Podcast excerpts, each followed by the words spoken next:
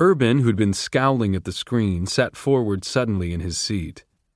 She wouldn't have to. She wouldn't need to if. But how did she. He trailed off, trying to puzzle something out. Tesley flipped a switch, raised her arms, and launched the drone into the air. It ascended, revealing a cable that connected the base of the drone to a loop on her wrist. Thus tethered, the drone began to fly in a circle about halfway between her and Mizzen. He looked down, clearly perplexed, but got distracted by the arrival of his first drone from Persephone. It dropped a chunk of bread down to him and made as if to return home as usual. Then a few yards out, it swerved and came back at him. Mizzen leaned back, surprised.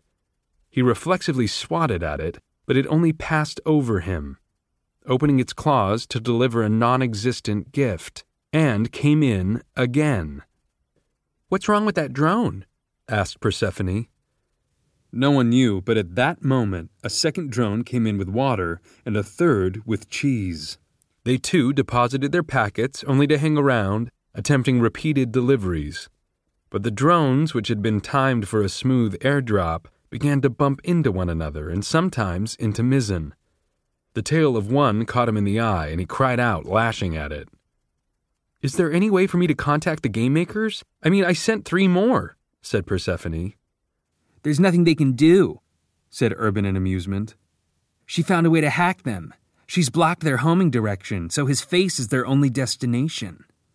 Sure enough, as the other three drones arrived, one at a time, they malfunctioned in a similar fashion. Mizzen was their sole target, and what had seemed at first funny turned deadly. He got to his feet and attempted to flee down the beam, but they swarmed around him like bees to a honeypot. Having left his trident on the ground, he pulled his knife and attempted to fight them. But the most he achieved was momentarily knocking them off course. They weren't programmed to make contact with him, but as they ricocheted off one another, and his blade more and more collided into him, until they gave the appearance of an attack. Mizzen began to grope his way to a pole, the very one on which he'd left Tesley to her fate, but his knee would not cooperate. Frantic now, he took a wild swing at the drones, throwing his weight onto his injured leg, which wobbled and then gave way. He lost his balance and plummeted toward the ground, snapping his neck sideways on contact. Oh! Persephone exclaimed as he hit the ground. Oh, she killed him! Vipsania frowned at the screen. She's smarter than she looks. Tesley gave a satisfied smile and reeled in her drone, switching it off and giving it a loving hug. Do not judge a book by its cover, Urban chuckled as he tapped some gifts into his communicuff, especially if it belongs to me. His glee was short lived.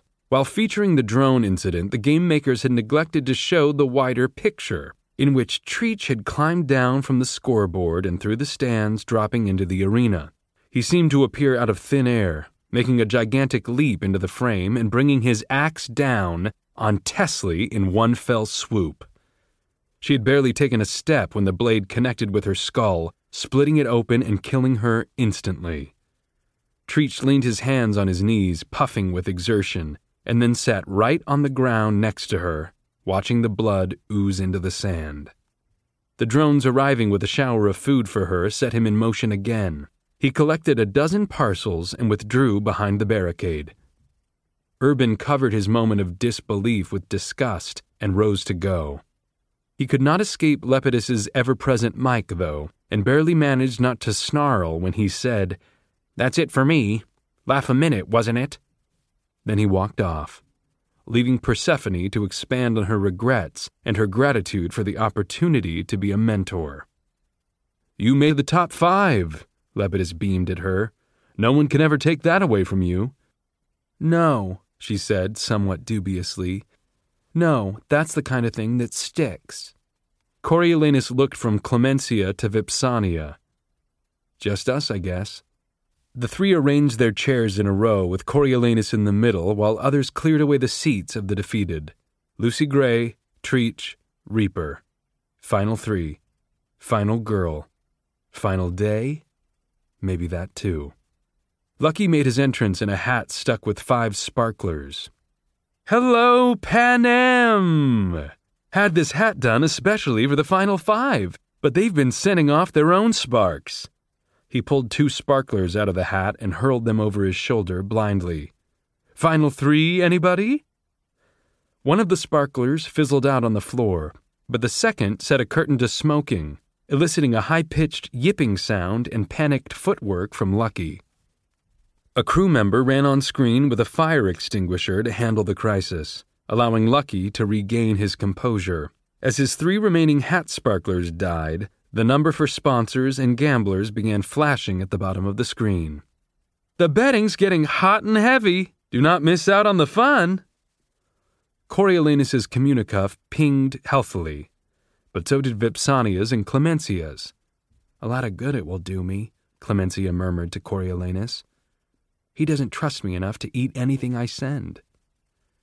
Lucy Gray had to be hungry, but he assumed she was resting in the tunnels. He wanted to send her food and water, both for sustenance and as a conduit for the poison. Since her last two opponents could easily overpower her, he had to do something to put the odds in her favor. For now, he could think of nothing but to keep the crowd on her side. When Lepidus approached him for his promised thoughts on Lucy Gray's performance, he laid it on thick. Coriolanus didn't know what it would take to prove to people she was not district if she hadn't convinced them by now. I feel a great injustice may have occurred by her being not just in the reaping, but in District 12 at all. People will need to judge for themselves. If you agree with me, or even suspect I might be right, you know what to do. While the new barrage of donations hitting his communicuff was affirming, he didn't know how it would help. He could probably feed her for weeks on what he already had. But the only tribute moving around the arena was Reaper, who had descended from the press box, cutting off another large swath of flag on his way. Gaunt and unsteady, he teetered over to add Tesley and Mizzen to his collection, using the new piece of flag to cover them. With effort, he climbed up to the back row of the arena, where he dozed in the sunlight, rocking gently back and forth, his cape spread out to dry. Coriolanus wondered if he would soon perish of natural causes, if starving to death was a natural cause. He wasn't entirely sure. Was it natural if hunger had been used as a weapon? To his relief, Lucy Gray materialized just before noon in the shadows of a tunnel. She surveyed the arena and, judging it safe, stepped into the sunlight. The mud on the hem of her ruffled skirt had begun to cake, but the damp dress still clung to her. While Coriolanus ordered her a feast on his communicuff, Lucy Gray crossed to Reaper's puddle and knelt. She scooped up water, slaking her thirst and washing her face. After combing out her hair with her fingers, she twisted it into a loose knot, finishing just as a dozen drones entered the arena.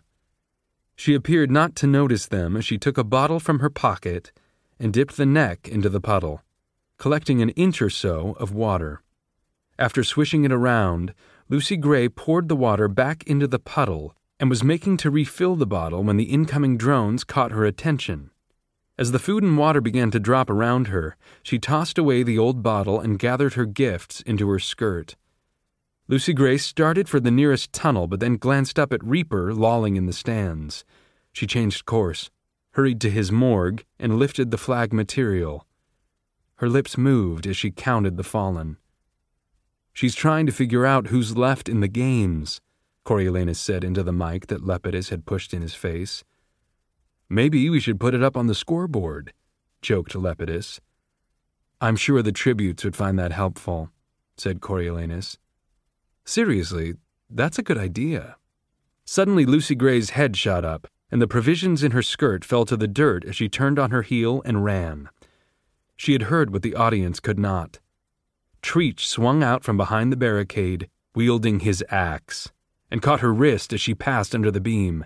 Lucy Gray twisted around, dropping to her knees, fighting wildly as he raised the axe. No! Coriolanus jumped to his feet, pushing Lepidus aside. Lucy Gray! Then two things happened simultaneously. As the axe began to fall, she flung herself into Treech's arms and clung to him, avoiding the blade. Bizarrely, they seemed to embrace each other for a long moment, until Treech's eyes widened in horror. He shoved her away, dropping the axe, and tore something from the back of his neck. His hand shot into the air, fingers gripped tightly around the bright, pink snake. Then he collapsed to his knees and smashed it into the ground, again and again, until he fell dead in the dirt. The lifeless snake still clutched in his fist. Her chest rising and falling, Lucy Gray whipped around to locate Reaper, but he still sat rocking in the stands. Momentarily safe, she pressed one hand against her heart and waved to the audience.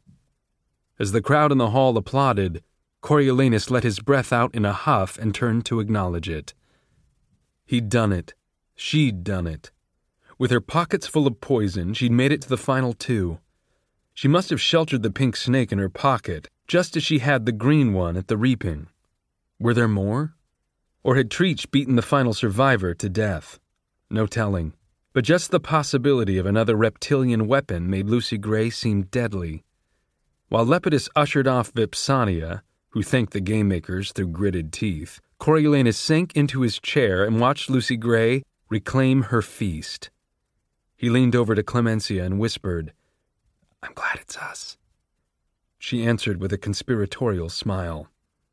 As Lucy Gray flattened the wrappings and spread all her food out in a pleasing fashion, Coriolanus thought of their picnic at the zoo. Was she restaging it now for his benefit? Something tugged at his heart, and the memory of the kiss hit him. Were there more in his future? For a minute, he drifted into a daydream of Lucy Gray winning, leaving the arena, and coming to live with him in the Snow's penthouse, which was somehow saved from taxes. He'd attend the university on his plinth prize while she headlined at Pluribus's newly reopened nightclub because the capital would agree to let her stay, and, well, he hadn't worked out all of the details, but the point was he got to keep her. And he wanted to keep her. Safe and close at hand, admired and admiring, devoted and entirely, unequivocally his. If what she'd said just before she kissed him, the only boy my heart has a sweet spot for now is you, was true, then wouldn't she want that too? Stop it, he thought. No one has won anything yet. She had polished off most of her food, so he ordered another round, a large one she could squirrel away and live off for the next few days, in case she just decided to hunker down and wait for Reaper to die. It was a good plan. Low risk for her, and inevitable if he stayed on his current course of rejecting all sustenance. But what if he didn't? What if he regained his senses and decided to eat the nearly unlimited sponsor gifts that Clemensia could provide him with? Then it would come down to a physical matchup again, and Lucy Gray would be at a real disadvantage unless she was packing more snakes. When the drones had delivered her supplies, Lucy Gray sorted them and stowed them in her pockets. They hadn't seemed spacious enough to hold all the food and drink along with another snake, but she was awfully clever. He hadn't even seen her remove the snake that killed Treech.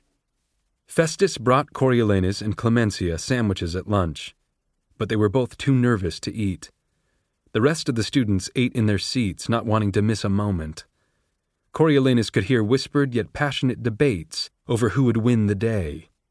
He could never remember people caring in the past. The beating sun began to dry out the arena, soaking up the shallow puddles and leaving only a few deep enough to drink from. Lucy Gray rested on a bit of rubble, her skirt spread out to catch the rays. The lull brought out Lucky, who gave a detailed weather forecast, including a heat advisory and tips to avoid related cramps, exhaustion, and stroke. The line at the lemonade stand outside the arena stretched long, and people hid under umbrellas or crammed into precious bits of shade. Even the dependable coolness of Heavensbee Hall failed so students stripped off their jackets and fanned themselves with notebooks. By mid afternoon, the school had made fruit punch available, which gave a festive feel to the event. Lucy Gray kept Reaper in her sights, but he'd made no move to engage her. Suddenly, she rose as if impatient to get on with things and retraced her steps to Treech's body. Taking hold of one ankle, she began to drag him over to Reaper's morgue. Reaper appeared to wake up the moment she touched the body. He leaned out and shouted something unintelligible, then hurried down from the stands. Lucy Gray let go of Treech and ran to a nearby tunnel. Reaper assumed the job of transporting Treech, placing him neatly in the row of dead tributes and covering him with the flag remnant. Satisfied, he made his way back to the stands. But he'd only just reached the wall when Lucy Gray ran out from a second tunnel, pulled one of the flag pieces off the bodies, and gave a holler. Reaper whipped around and ran at her. Lucy Gray wasted no time in vanishing behind the barricade. Reaper replaced the flag, tucking the fabric under the bodies to hold it more securely in place, and went to rest against a pole. After a few minutes, he seemed to drift off, his eyes closed against the sun. Lucy Gray darted out again, yanked one of the flag segments free, and this time ran off with it trailing behind her. By the time Reaper had come to realize her disruption, she'd put 50 yards between them. His indecision allowed her to widen her lead, and she dragged the flag to the dead center of the arena, where she left it in the dirt and made for the stands. Angry now, Reaper ran over and repossessed his flag. He took a few steps after her, but the exertion had taken a toll on him. Pressing his hands against his temples, he panted rapidly, although he didn't appear to be sweating. As Lucky's recent update had reminded them, that could be a sign of heat stroke. She's trying to run him to death, thought Coriolanus, and it might just work. Reaper staggered a bit as though drunk. Flag in tow, he made his way to his puddle, one of the few that hadn't dried up during the afternoon. He dropped down on his knees and drank, slurping until only a muddy sludge remained on the bottom. As he sat back on his heels, a funny look crossed his face, and his fingers began to knead his ribs and chest. He vomited up a portion of the water, then retched for a while on his hands and knees before rising unsteadily. Still gripping the flag in one hand, he began to walk in slow, uneven steps back toward his morgue. Reaper had just made it when he collapsed on the ground, dragging himself in line next to Treech. One hand made an attempt to pull the flag over the group, but he managed only to cover himself part way before he drew in his limbs and went still. Coriolanus sat frozen in anticipation. Was that it? Had he really won? The Hunger Games? The Plinth Prize? The girl? He studied Lucy Gray's face as she watched Reaper from the stands, but she had a distant look as if she were far away from the action in the arena. The audience in the hall began to murmur. Was Reaper dead? Shouldn't they be declaring a winner? Coriolanus and Clemensia waved Lepidus and his mic away as they awaited the outcome. Half an hour passed before Lucy Gray climbed down from the stands and approached Reaper. She placed her fingers on his neck, checking his pulse. Satisfied, she closed his eyelids and tenderly arranged the flag over the tributes, as if she were putting children to bed. Then she went over and sat against a pole to wait. This seemed to convince the game makers because Lucky appeared, jumping up and down, announcing that Lucy Gray Baird, tribute of District 12, and her mentor, Coriolanus Snow, had won the 10th Hunger Games. Heavensbee Hall erupted around Coriolanus, and Festus organized a few classmates to lift his chair and parade him around the dais. When they finally set him down, Lepidus hounded him with questions, to which he could only reply that the experience had been both exhilarating and humbling. Then the entire student body was directed to the dining hall, where cake and pasca had been provided for a celebration. Coriolanus sat in a place of honor, receiving congratulations and downing more Pasca than was good for him. So what? Right now he felt invincible. Satyria rescued him just as his head felt fuzzy, ushering him from the dining hall and directing him to the high biology lab. I think they're bringing your girl over. Don't be surprised if they put you on camera together. Well done! Coriolanus gave her a spontaneous hug and hurried for the lab grateful for the moment of quiet. He felt his lips stretching into an insane grin. He had won. He'd won glory and a future and maybe love, too. Any minute now, he'd have Lucy Gray in his arms. Oh, snow lands on top. It most certainly does.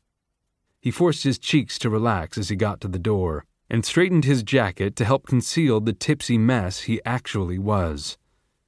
It wouldn't do, somehow, to let Dr. Gaul see him like that.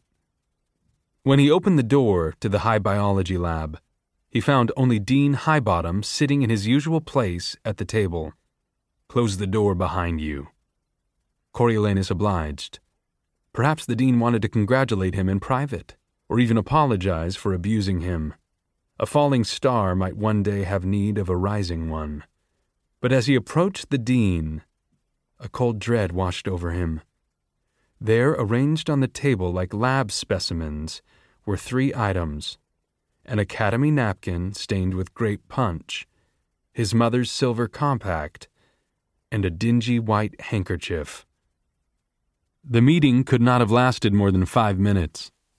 Afterward, as agreed, Coriolanus headed directly to the recruitment center where he became Pan Panem's newest, if not shiniest, peacekeeper.